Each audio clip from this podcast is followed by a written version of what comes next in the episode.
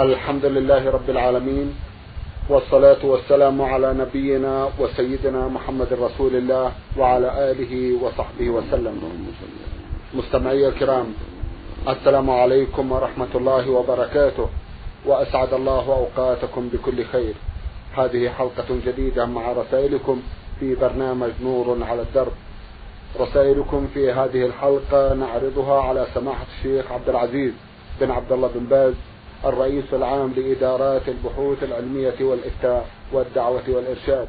في بداية لقائنا نرحب بسماحة الشيخ ونشكر له تفضله بإجابة سادة المستمعين. فأهلا وسهلا بالشيخ عبد العزيز. حياكم الله وبارك حياكم الله. أولى رسائل هذه الحلقة رسالة وصلت إلينا من ليبيا. باعثة الرسالة إحدى الأخوات من هناك تقول ليلى علي عبد العزيز. أستأذن سماحة الشيخ في قراءة رسالة أختنا كاملة لعلها تعطينا صورة عن شخصيتها وعن سلوكها. تقول بسم الله الرحمن الرحيم.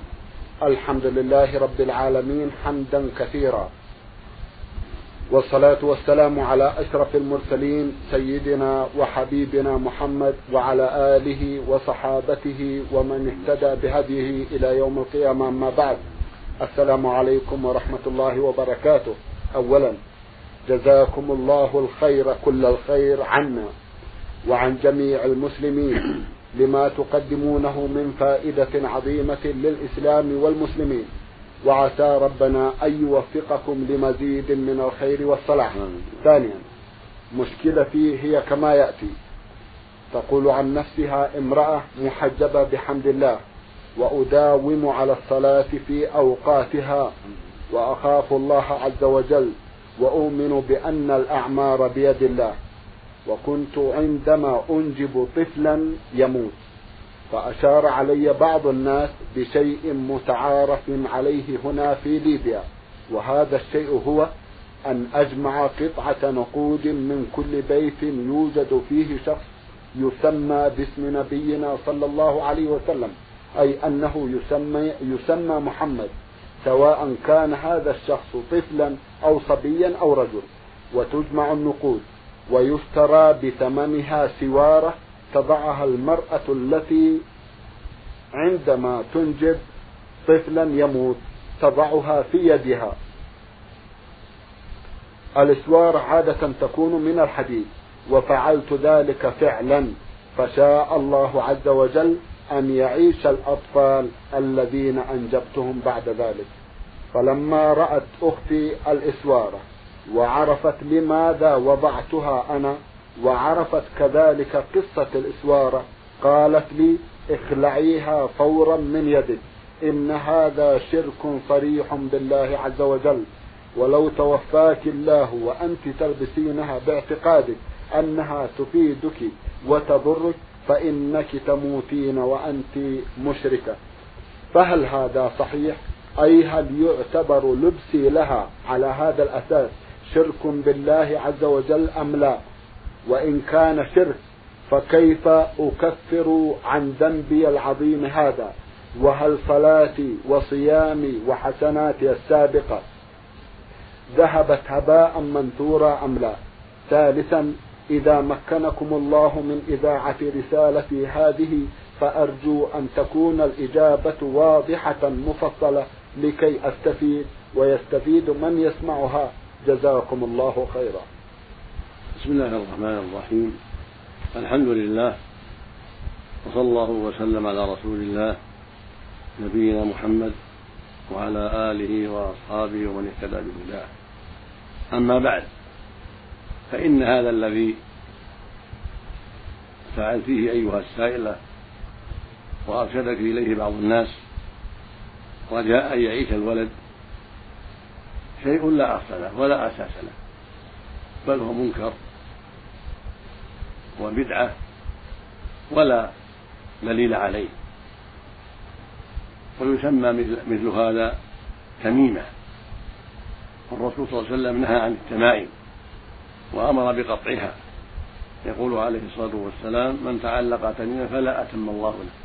ومن تعلق ودعة فلا ودع الله له. ومن تعلق تميمة فقد أشرك. وبعث عليه الصلاة والسلام في بعض غزواته من يقطع القلائد التي تعلق على الدواب خشية العين وهي الأوتار. وقال إن الرقى والتمائم والتولى شرك وهي الرقى التي لا توافق الشرع. والتمائم ما يعلق على الإنسان خشية العين أو خشية الجن. والتولة نوع من الصرف والعطف نوع من السحر. فبين صلى الله عليه وسلم أنها كلها من الشرك. وفي المسند مسند أحمد رحمه الله بإسناد جيد عن عمران بن حصين رضي الله تعالى عنهما أن النبي صلى الله عليه وسلم رأى رجلا في يده حلقة من صوف فقال ما هذا؟ فقال من الواهنة. يعني علقتها من أجل الواهنة. قال انزعها. قال له النبي صلى الله عليه وسلم انزعها فإنها لا تزيدك إلا وهنا. فإنك لو مت وهي عليك ما أفلحت أبدا. هذا وعيد عظيم في في جعل هذه الحلقة. التي يزعم أنه فعلها من أجل الواهنة. مرض يأخذ باليد يقال له الواهنة.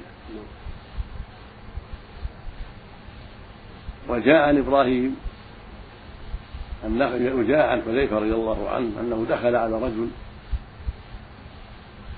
قد علق خيطا في يده فسأله فقال من أجل الحمى؟ فقطعه حذيفة وتلا قوله تعالى وما يؤمن أكثرهم بالله إلا وهم مشركون.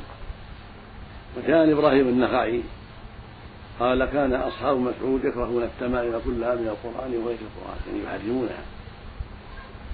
قال سعيد بن جبير التابعي الجليل رحمه الله من قطع كلمة من لسان من قطع تميمة من لسان كان كعجل رقبة كان كأنه أعتق رقبة لأنه خلصه من رق الشرك. وبهذا تعلمين أيها السائلة أن هذا العمل الذي قيل لك تجمعين نقول من كل بيت في اسم محمد ثم يشترى بها حاجة كالسوار ويعلق لعله يعيش الولد هذا شيء لا أصل له. وهذا باطل وعليك التوبة إلى الله من ذلك والرجوع إلى الله سبحانه وتعالى ومن تاب تاب الله عليه. وهذا الذي يسره الله من كون الأولاد عاشوا بعد ذلك هذا من فضل الله. صادف قدرا لا من أجل السوارة هذه بل صادف قدر الله الماضي وأن أولادك يعيش يعيشون بعد بعد الولاد الذي مات سابقا أو الأولاد اللي ماتوا سابقا وليس من أجل السوارة ولكنه أمر الله الماضي في قدره السابق. فإن الله سبحانه وتعالى قدر ما يكون من أولاد ومن عقم ومن موت طفل وحياة طفل إلى غير ذلك كله مقدر.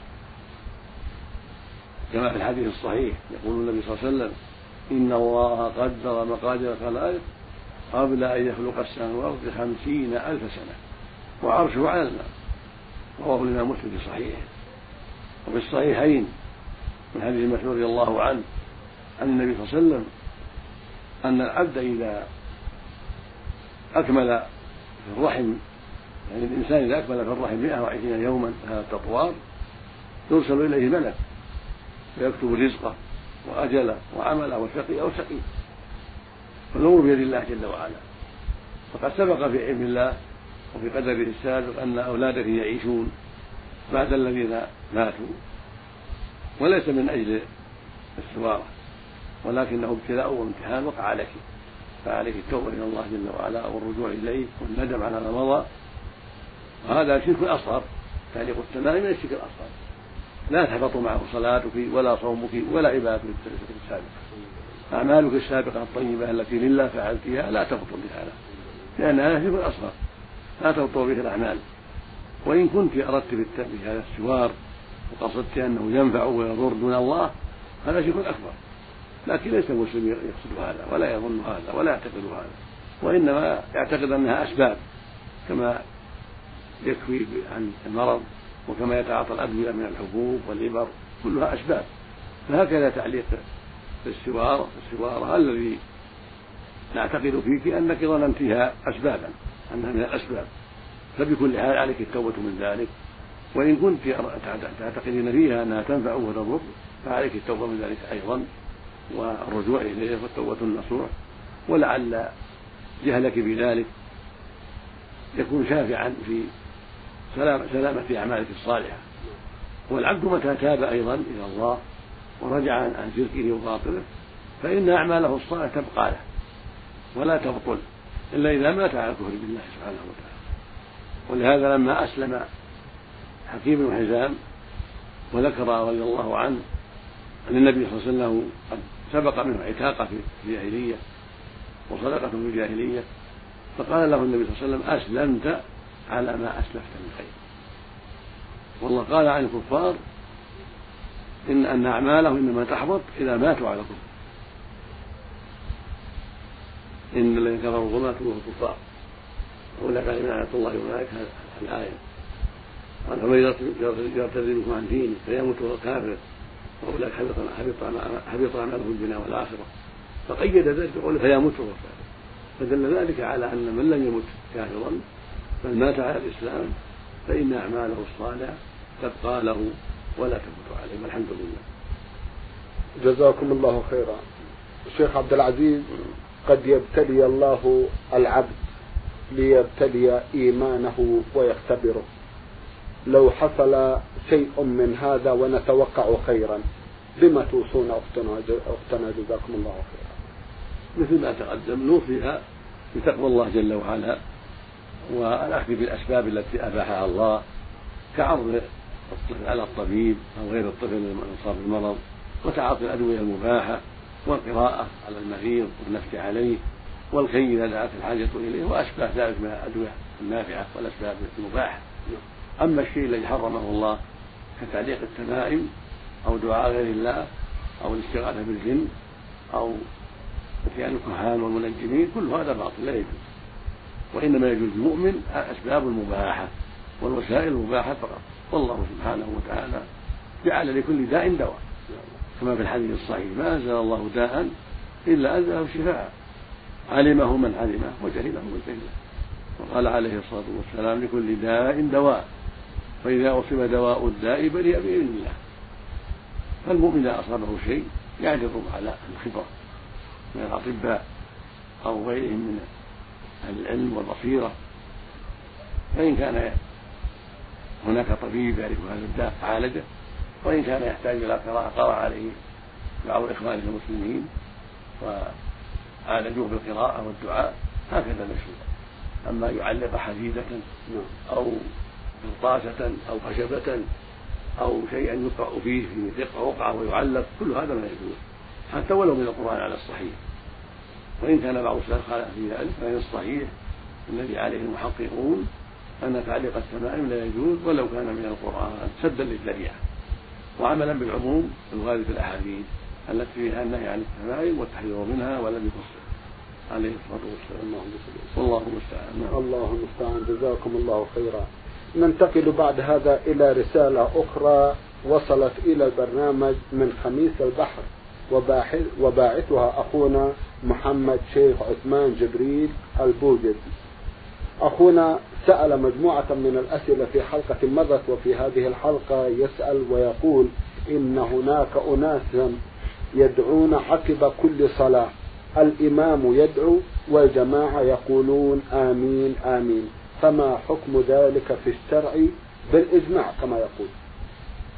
هذا الذي سألت عنه أيها السائل لا نعلم له أصلا في الشرع فلم يكن النبي صلى الله عليه وسلم يفعل ذلك إذا صلى الفجر أو الظهر أو العصر أو المغرب أو العشاء ما كان يفعل هذا الذي سألت عنه وهو رفع اليدين والدعاء من الإمام والمأمومين.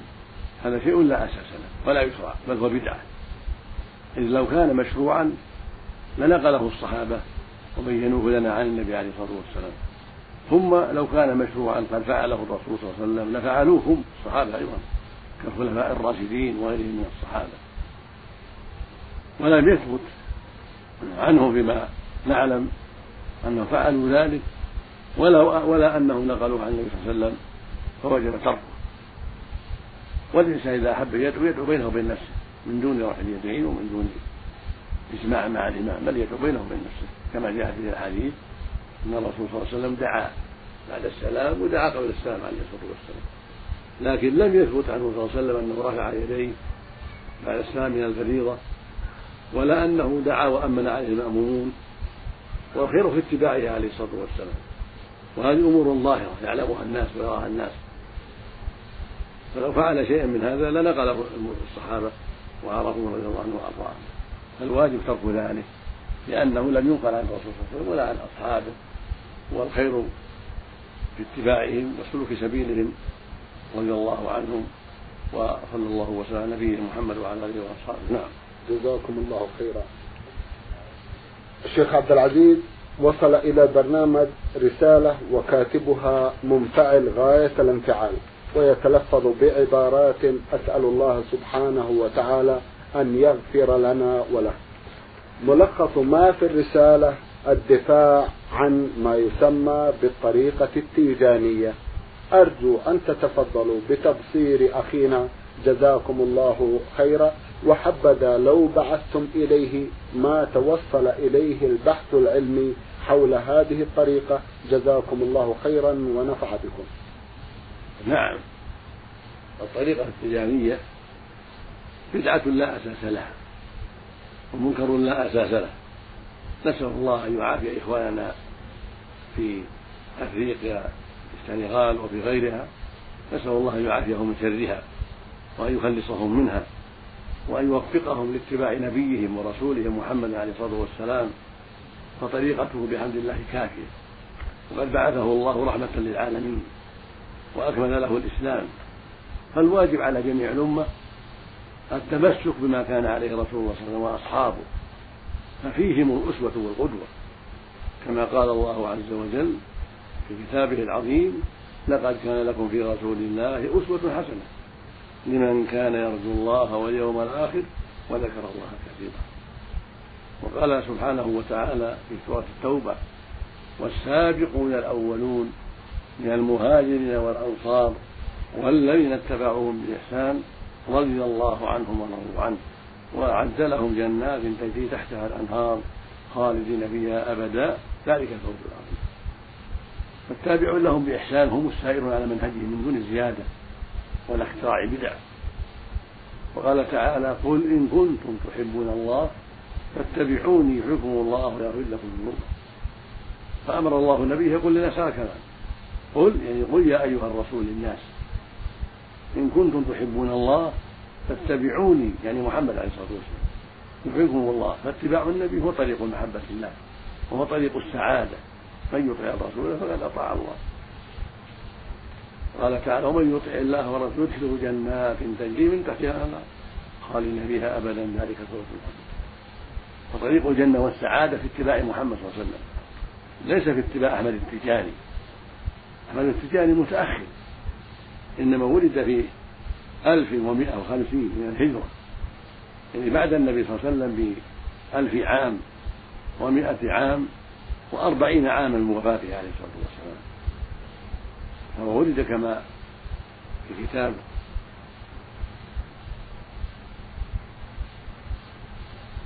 في كتب القوم كتب التيجانيين نعم. ذكروا أنه ولد في عام 1150 يعني في القرن الثاني من القرن الثاني عشر من الهجرة. نعم. ويزعم أنه طاف في بلدان كثيرة وتعلم الطرق الصوفية. ثم رأى النبي صلى الله عليه وسلم عام ألف ومائة وست وتسعين فعلمه الورد الذي يعلمه الناس وأن يعلم الأمة هذا الورد من الدعاء والاستغفار. قال أنت ابني وعلمه الأمة.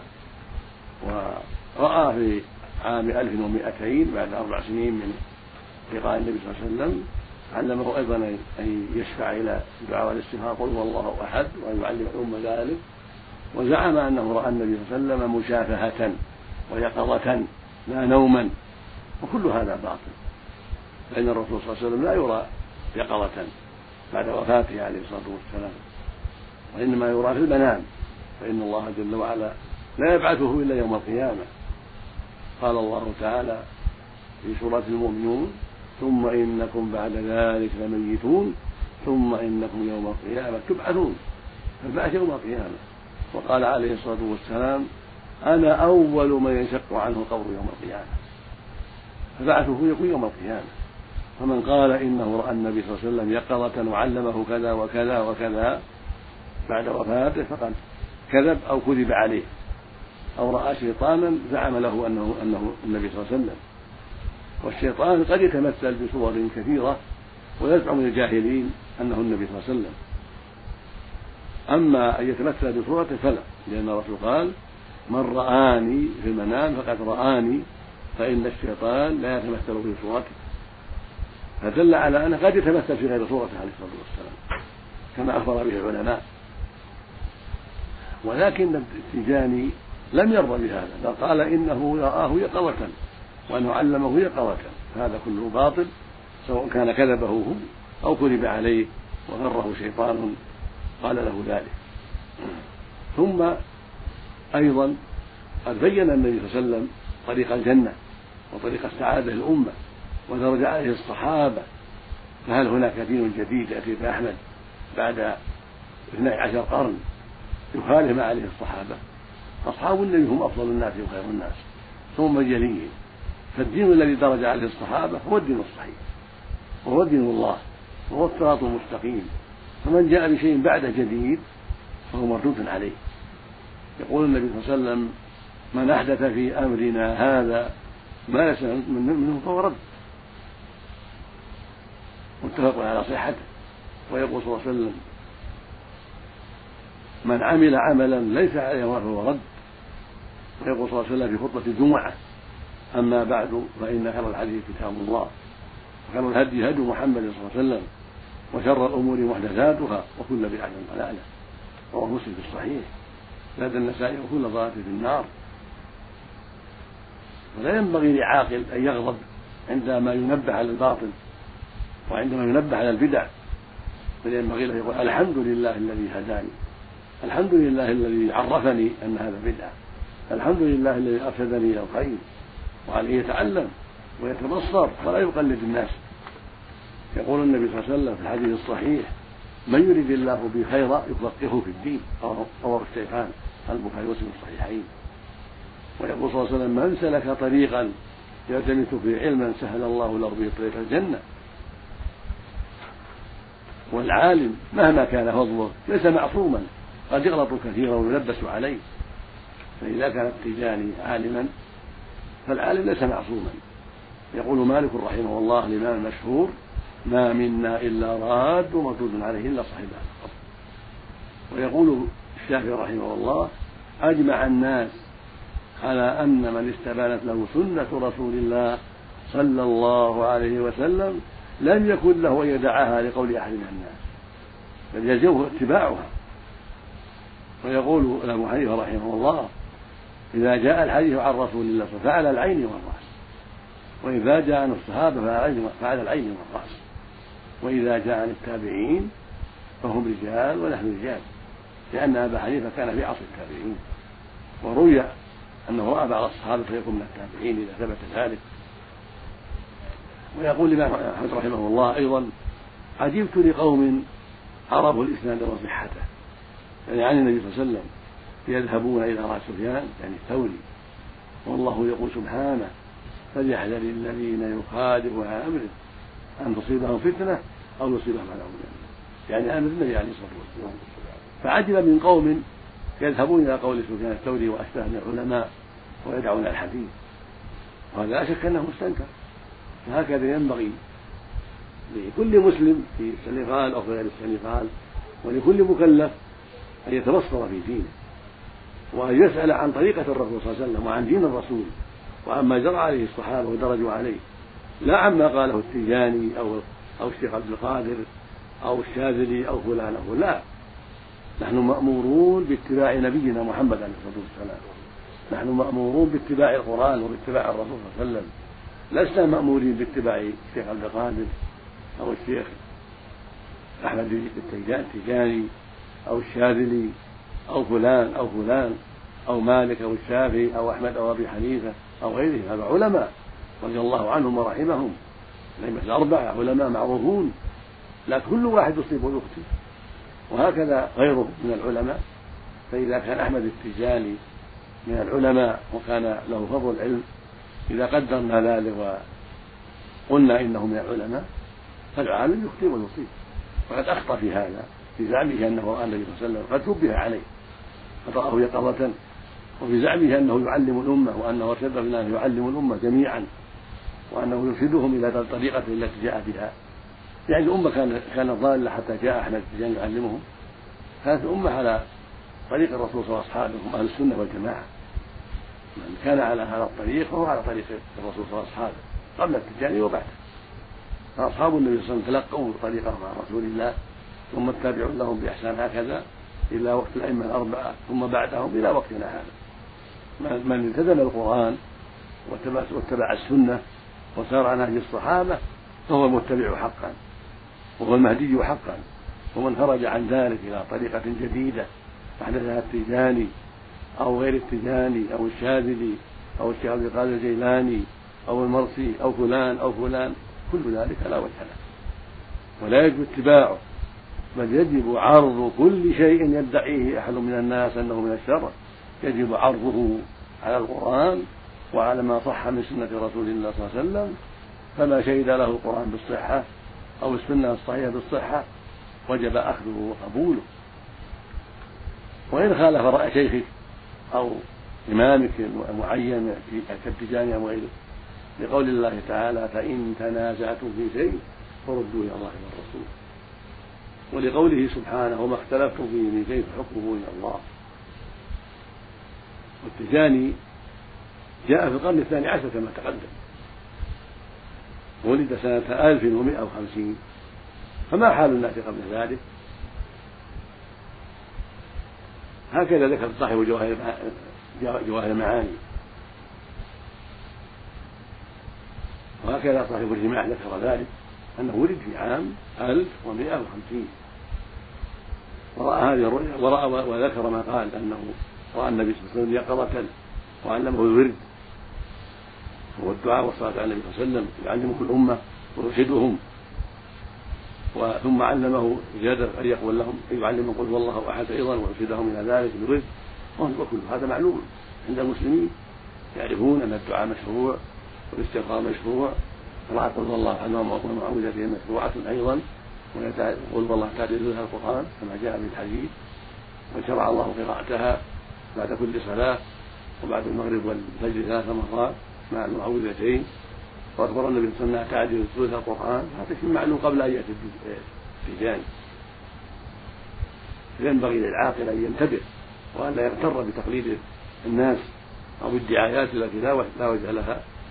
بل يتأمل قوله تعالى اهدنا الصراط المستقيم أن تسأل ربك أن يهديك الصراط المستقيم. في كل صلاة في الفاتحة. والصراط المستقيم هو دين الله. مو بدين أحمد التيجاني دين الله هو ما بعث الله به النبي عليه الصلاة والسلام.